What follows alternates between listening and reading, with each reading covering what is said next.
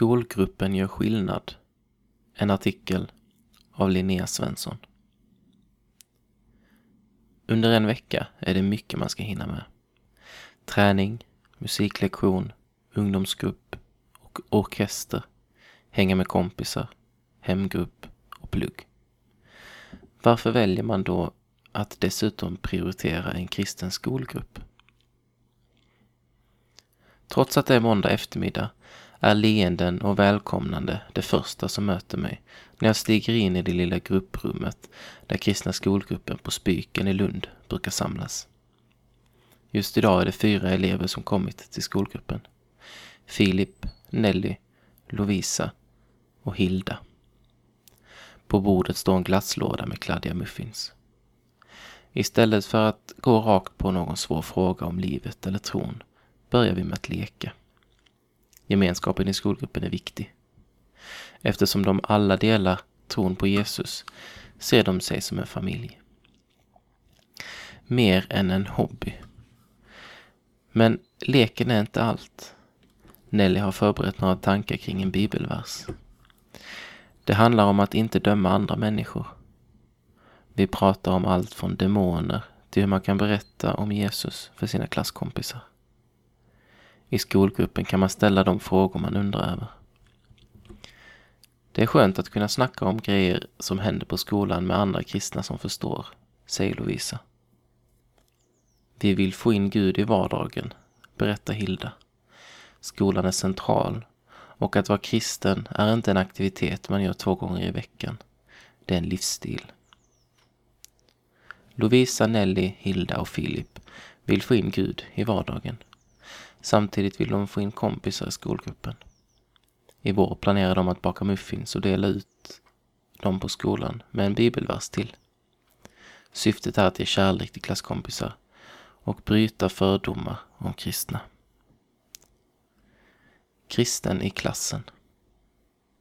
Just fördomar är något som vi kristna ofta är rädda för. Jag frågar hur klasskompisar reagerar när de berättar om den kristna skolgruppen. När jag började gymnasiet bestämde jag mig för att skita i fördomar. Jag vill gärna berätta för andra om Jesus. Och mitt liv är nu. Vi har världens chans, säger Lovisa. Hon har erfarenhet av att ofta tas emot ganska gott. Ibland händer det att någon svarar att den också tror på Gud. Hilda tycker att det kan vara lite jobbigt ibland.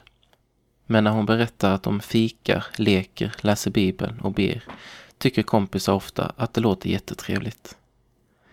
Man gör sig själv en otjänst genom att inte våga snacka om det, säger hon. Filip erkänner att han kan vara rädd för att hamna i ett fack eller inte bli bjuden till fester för att han är kristen. Ändå var han öppen med sin tro redan från första dagen på Spyken. Min kusin var så öppen med att han var kristen. Alla visste det och det såg jag. Tack vare sin kusin vågade alltså Filip berätta att han var kristen och nu är han själv en förebild för andra. Ut i vardagen. Nelly börjar snegla på sin klocka. Hon måste snart vidare. Vi ber för skolan och det vi snackat om innan hon smiter ut genom dörren på väg mot gymmet. Lovisa, Filip och Hilda ska också iväg. De försvinner åt varsitt håll. Skolgruppen är över för idag. Under en timme i ett grupprum har de hjälpt varandra att fylla på med energi, stöttat varandra i att stå upp för sin tro och bett för skolan. Deras öppenhet har smittat av sig.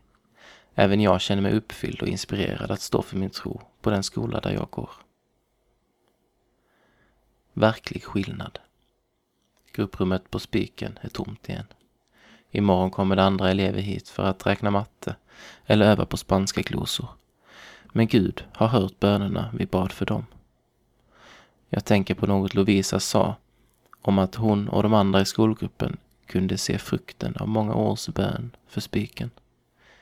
En timme i veckan kan färga av sig på veckans alla övriga timmar och göra verklig skillnad, både för skolan och för den som är med i gruppen. Att vara kristen är trots allt inte bara en aktivitet mellan tre och fyra en måndag eftermiddag. Det är en livsstil.